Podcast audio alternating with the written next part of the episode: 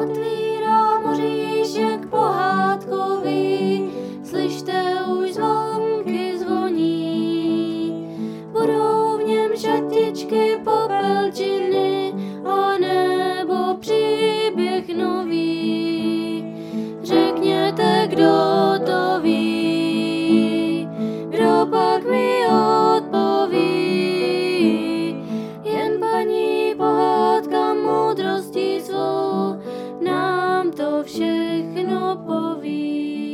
Dobrý den, děti. Dneska mám pro vás od paní Nevřálové příběh o Martínkovi.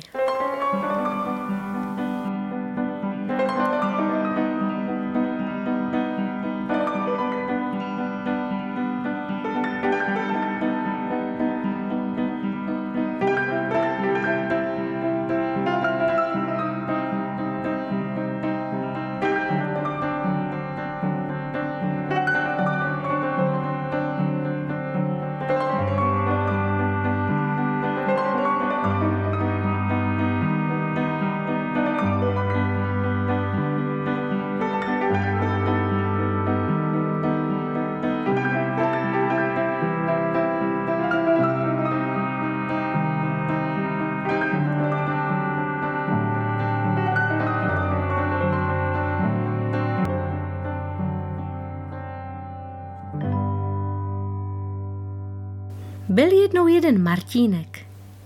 Takový šikovný kluk. Rád se díval a pomáhal, když tatínek něco spravoval. Moc ho bavilo něco opravovat a vylepšovat nebo vyrábět.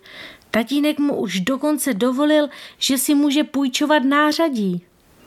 Martínek si toho moc vážil, byl na nářadí opatrný a vždycky všechno vracel na své místo. Nikdy se nestalo, že by nechal ležet kladívko třeba v trávě. Martínek si všiml, že v kuchyni vypadává klika u dveří. Kdyby se tak maminka v kuchyni zavřela a klika vypadla, musel by čekat, až ji někdo z chodby otevře. A co kdyby byl Martínek zrovna venku a tatínek v práci? No to ne, to se musí rychle spravit. Martínek viděl tatínka opravovat kliku už několikrát a věděl, že stačí utáhnout jenom šroubek. Překvapím maminku, napadlo Martínka. Maminka bude mít určitě radost. A honem běžel do dílny pro šroubovák, aby to stihl dříve, než se maminka vrátí ze zahrady. V dílně byl tatínek. Martinku, to je dobře, že jdeš. Spadla mi někam taková malá matička a nemůžu ji najít. Martínek hledal, hledal a už ji našel. Tati, je to ona? No ano, ty jsi šikovný, děkuji. Martínek si vzal šroubovák. Říkal si v duchu. Překvapím i tatínka, nic mu teď neřeknu.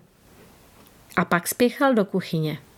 Rychle, rychle, jen aby to stihl, než se maminka vrátí ze zahrady. Otevřel dveře, maminka tu ještě není, ale zatímco Martínek hledal matičku, maminka přišla, vytáhla z trouby bábovku, dala ji na stůl a odešla. Bábovka. Martínek zapomněl na celý svět. Zahodil šroubovák, zabouchl za sebou dveře a honem ke stolu. Hmm, jak voní. Hmm. Bábovka byla ještě teplá, ale to nevadilo. Martínek se do ní hned pustil. Hlad neměl, to ne, oběd byl před chvilkou, ale bábovku měl ze všeho nejraději. Mňam, mňam, mňam. Martínek mlsal a mlsal a teprve, když už měl úplně plné bříško, vzpomněl si na to, proč vlastně přišel. Lekl se. Ale třeba to ještě stihnu. Běžel rychle ke dveřím. Klika však vypadla i na druhé straně a nejde otevřít. Martinkovi je. Nemůže otevřít dveře, nemůže spravit kliku a nemůže ani odejít z kuchyně. Je to jako v pasti. Za všechno můžeš ty, mračil se na bábovku. Ale jako by mu nějaký hlásek říkal, co pak za to může bábovka? Ona snad zabouchla dveře, když spěchala mlsat? Martínek se dal do pláče. Ano, já jsem mamince pokazil překvapení a ještě jsem snědl tolik té bábovky, že mě tlačí v bříšku. Na chodbě se ozvaly kroky. To je tatínek.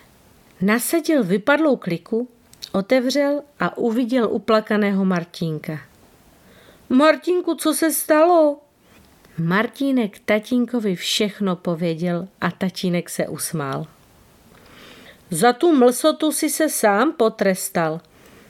A teď pojď honem, tu kliku oprav, ať má maminka radost a já se podívám, jak ti to jde. Martínek kliku spravil a pak ho tatínek poprosil, aby šel na zahradu pohlídat ještě svého malého bratříčka Lukáška, že on i maminka mají ještě dost práce. Lukášek si pěkně hrál na písku. Martinka ale hraní na písku nebavilo. Jen tak chodil po zahradě a nevěděl, co má dělat. Jistě děti všichni znáte lopuch, že? Víte, jak vypadá? A víte, jak lopuch kvete? No ano, ano, jsou to takové kulaté pichlavé kuličky. Říká se jim bodláčky, lepíky nebo vlčci. Vlci. Už jste to někdy slyšeli? Ty bodláčky mají takové jakoby malinké drábky a těmi se zachytávají na oblečení. To jistě znáte, že? No a tak představte si, že Martínek, jak tak chodil po té zahradě, si najednou všiml, že za plotem roste lopuch a na něm je plno těch kulatých bodláčků. Stačilo jenom prostrčit ruku plotem a natrhat. Martínek si jich natrhal plnou hrst. Díval se na Lukáška, jak si pěkně hraje na písku a tu jako by mu někdo pošeptal. Hoď to po něm.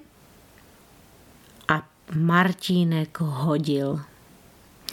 Hodil ale tak nešikovně, že se bodláček Lukáškovi zamotal do vlásků. Lukášek se snažil bodláček vytáhnout, ale svýma maličkýma ručkama si jej do vlásků zamotal ještě víc. Začal plakat, protože ho to kudlilo a tahalo. Martinek k němu hned přiběhl a chtěl mu pomoci. Ne, ne, tak to přece nechtěl. Nechtěl Lukáškovi ublížit. Ale bodláček z vlásků nedokázal vytáhnout ani on. Lukášek tak naříkal, že se museli vrátit domů. Martínek se styděl. Co jen maminka řekne? Ach, kdyby tak ten bodláček nehodil, kdyby se to nestalo, kdyby to tak mohlo vzít zpět. Ale to nejde. Všichni dobře víme, že co se stalo, stalo se a vrátit to nejde. Martínek to věděl také a bylo mu to tak líto, že způsobil Lukáškovi bolest, až se z toho sám rozplakal. Maminka slyšela ten dvojhlasý nářek až z kuchyně a vyběhla ven, protože se moc polekala, co se stalo. Co se děje? Maminko, maminko, já, za to můžu já, ale já jsem Lukáškovi nechtěl ublížit. Mamince se ulevilo, že se nic tak vážného nestalo. Lukáškovi vlásky namočila, bodláček se uvolnil a tak ho mohla opatrně vytáhnout. Lukášek už dávno přestal plakat a zase si hrál. No a Martinka si maminka vzala na klín. Poslouchej, Martinku, ty jsi přece věděl, že po Lukáškovi nemáš házet, že jo? A přesto si hodil. Už to nikdy neuděláš, viď? Ne, maminko. Vidíš, Martinku, jeden takový malý bodláček skoro ani není vidět a kolik bolesti může způsobit. Víš, co mi to připomnělo? Představ si, že nějaký chlapec by řekl svému bratříčkovi, hm, kamarádovi nebo třeba i někomu dospělému něco ošklivého. Takové slovo také nejde vzít zpět, když už ho jednou někdo vysloví. Škaredé nebo zlé slovo se na člověku zachytí stejně jako ten nepříjemný bodláček a moc ho bolí. Ale na rozdíl od bodláčku nejde nijak sundat ani odstranit. Martínek objal maminku kolem krku. Maminko, já nikdy Lukáškovi neřeknu nic, čím bych mu ublížil, ani nikomu jinému. Už žádné bodláčky. A maminko, jak asi vypadají ta slova, která pomáhají nebo potěší? Hmm. Tak co myslíte, děti? Co mu maminka odpověděla? Jaká by to mohla být slova? Hmm, víte? Tak přemýšlejte. Věřím, že zrovna vy jste tak šikovné děti, že najdete těch pěkných pomáhajících slov, co potěší, mnoho a mnoho.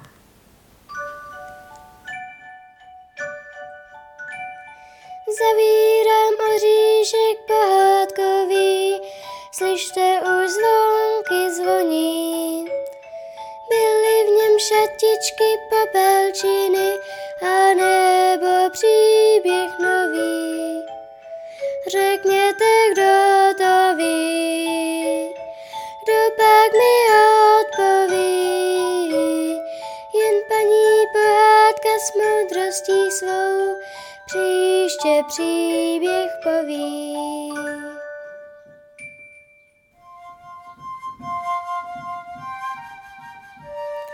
Děti, víte, že každý oříšek má bělostné jadírko a v každé naší pohádce je ukrytý poklad.